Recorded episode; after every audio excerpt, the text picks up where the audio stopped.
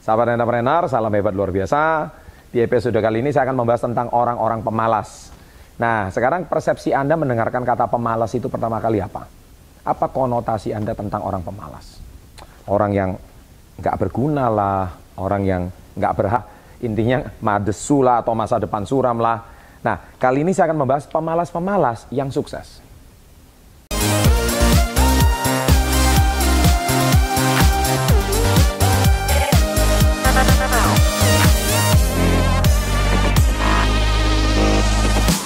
Nah, mungkin Anda berkata, Pak kok kontroversi banget sih judul kali ini, pemalas kok bisa sukses.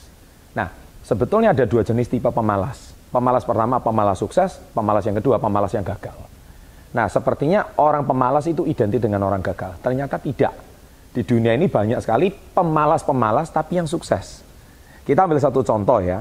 E, ada orang yang malas berjalan, akhirnya ada orang menciptakan sepeda. Ada orang yang males mengayu sepeda, akhirnya terciptalah motor. Ada orang yang malas naik motor karena kepanasan, akhirnya ada orang menciptakan mobil. Ya, tapi akhirnya ada orang yang malas karena mobil itu jarak tempuhnya jauh, sampai ada orang menciptakan kereta, pesawat dan sebagainya. Anda lihat banyak pencipta-pencipta di muka bumi ini, awalnya adalah orang-orang yang mau melakukan revolusi, mau melakukan reformasi. Mereka mau melakukan satu sesuatu yang sifatnya inovator atau e, segala sesuatu yang berubah. Nah, bagi Anda yang nonton video ini, Anda tidak bisa mengatakan bahwa e, pemalas itu pasti negatif. Memang kata pemalas cenderung negatif. Tetapi justru di balik kata pemalas itu ada peluang. Dan banyak orang-orang yang malas naik tangga akhirnya terciptalah eskalator. Saya tidak mengatakan bahwa dari sudut pandang kesehatan. Naiklah tangga kan Anda lebih hidup, lebih sehat. Tidak. Tetapi semua sistem transportasi, semua sistem yang diciptakan di muka bumi ini, eh, apa pun, itu semua sistem telekomunikasi, itu berangkat dari orang yang melihat ada masalah. Nah ketika Anda melihat ada masalah, banyak orang enggan. Dan dia melihat kenapa bisa enggan? Karena malas. Nah mereka menciptakan peluang bagaimana supaya orang mengatasi rasa malas ini. Remote televisi kenapa bisa diciptakan? Itu karena awalnya ada orang yang malas berdiri seperti itu. Saya nggak mengatakan itu dari segi kesehatan, memang tidak baik, ya kan? Sekarang bahkan membuat AC atau kipas angin pun tinggal teriak, AC-nya bisa berputar sendiri, ya kan? Itu menciptakan sesuatu yang luar biasa. Nah, poin yang saya mau sampaikan di sini itu bukan saya membenarkan orang yang malas, tetapi poin yang saya mau sampaikan di video ini adalah bagaimana orang yang melihat peluang di antara orang yang bermasalah, khususnya orang malas ini, dia melihat peluangnya dan akhirnya dia bisa mendapatkan sesuatu ide untuk mengubah sesuatu. Nah, karena saya malas bekerja, maka saya menjadi miliarder di usia muda. Ya, banyak orang nggak mau bekerja seumur hidup.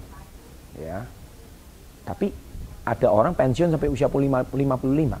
PNS, Polri mungkin sampai 57 sampai 60 tahun. Tetapi Anda tidak harus bekerja seumur hidup Anda untuk mencukupi kebutuhan finansial Anda. Makanya banyak sekarang guru-guru finansial dunia, mereka usia 25, 30, mereka sudah freedom. Mereka sudah bebas, mereka nggak perlu bekerja seumur hidupnya untuk mencari nafkah kehidupan. Tetapi mereka cukup bekerja sampai titik tertentu, karena mereka malas bekerja sepanjang hayat hidup mereka. Karena mereka percaya bahwa hidup bukan cuma untuk bekerja, tapi hidup itu harus dinikmati. Apa jadinya kalau hidup ini, seperti saya hari ini membuat video ini di atas kapal pesiar, di hari biasa, bukan hari Sabtu atau Minggu. Ya kan? Saya sendiri mencapai kebebasan finansial di usia 25 tahun. Ya, usia 25 tahun hidup saya sudah dihidupi semua kebutuhan hidup uh, saya uh, sandang pangan papan di keluarga saya, biaya sekolah pendidikan anak-anak, itu usia 25 tahun saya sudah bebas, freedom. Jadi usia 26 saya mulai menikmati keindahan di dunia. Oleh sebab itu Anda kalau nonton channel Success Before 30, kenapa di video awal saya, di musik awal itu selalu saya keliling dunia. Saya ingin sharing sesuatu kepada Anda. Karena saya juga nggak mau bekerja seumur hidup. Saya mempunyai satu cerita bahwa saya melihat ayah saya bekerja 30 tahun. saya tidak menyalahkan ayah saya karena waktu itu ayah saya uh, dia tidak ada peluang. Ya, tidak ada satu sistem bisnis yang bisa membuat dia bisa freedom di usia muda. Nah, saya berbeda. Saya tidak mau melakukan apa yang dilakukan oleh ayah saya. Oleh sebab itu saya memutuskan 25 saya pensiun dan freedom. Ya. Sekarang saya usia sudah 40 lebih. Sudah lebih dari 15 tahun saya pensiun. Termasuk saya membangun channel YouTube ini. Ingin menginspirasi Anda semua supaya bahwa hidup tidak harus bekerja seumur hidup. Ya, apakah saya tergolong pemalas? Yes. Pemalas yang sukses. Ya kan? Nah, Anda pemalas yang gimana? Ya kan? Nah, apalagi sekarang ada dua tipe manusia. tipe orang miskin dan orang kaya. Orang miskin mereka selalu membicarakan orang kaya. Hidupnya rumit lah, hidupnya ribet lah, ya kan? Orangnya sombong lah. Orang miskin membicarakan orang kaya. Ah kita nggak level dia lah ya.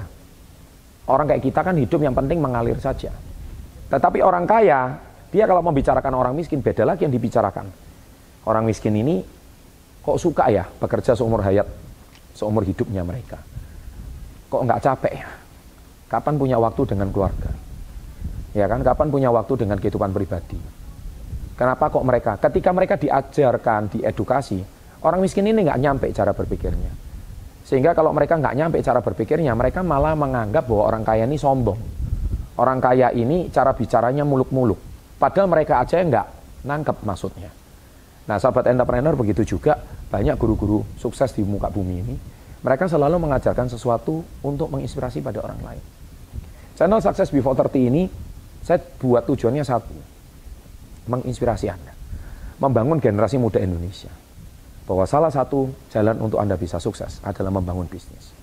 Sebagai seorang entrepreneur. Ini adalah peluang bagi Anda. Mungkin saat ini Anda bekerja keras. Ya kan? Tapi pertanyaan saya satu, kapan Anda bisa freedom? Kapan Anda bisa bebas secara finansial dan waktu? Kalau Anda bisa bebas finansial dan waktu, maka banyak hal-hal di muka bumi ini bisa dinikmati tanpa Anda harus pusing dengan pekerjaan Anda. Nah, jadi sahabat entrepreneur, saya berharap ya, saya bukan menyuruh Anda menjadi orang yang pemalas, bermalas-malasan, kemudian eh, tidak bekerja, ya kan, hidupnya selalu tergantung sama orang lain. Bukan pemalas tipe yang seperti itu. Tapi pemalas yang bisa melihat peluang. Pemalas yang saya malas capek bekerja seumur hidup, makanya saya nggak mau bekerja seumur hidup, saya mau bekerja lima tahun setelah itu saya bebas. Malas yang menciptakan manfaat bagi orang lain. Karena Anda bisa melihat. Ya, seperti itulah cara berpikir yang ingin saya ajarkan. Saya yakin dengan sharing seperti ini, ada orang yang nggak suka dengan statement saya, ada yang mengecap saya ini menghina kaum kaum kaum miskin, ada juga orang yang berpikir bahwa saya ini tipe orang yang uh, apa menjadi lebih banyak hatersnya setelah ini. I don't care. Karena saya cuma ingin berbagi apa yang sudah saya alami 17 tahun belakangan dalam hidup saya. Nah, semoga di Indonesia perekonomian bisa maju, ya kan, banyak orang sukses.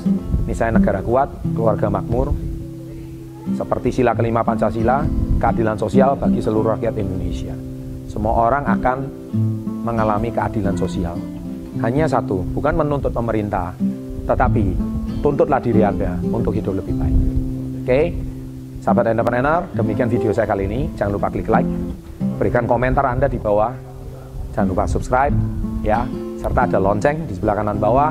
Tekan saja ada notifikasi untuk Anda. Sukses untuk Anda. Salam hebat luar biasa.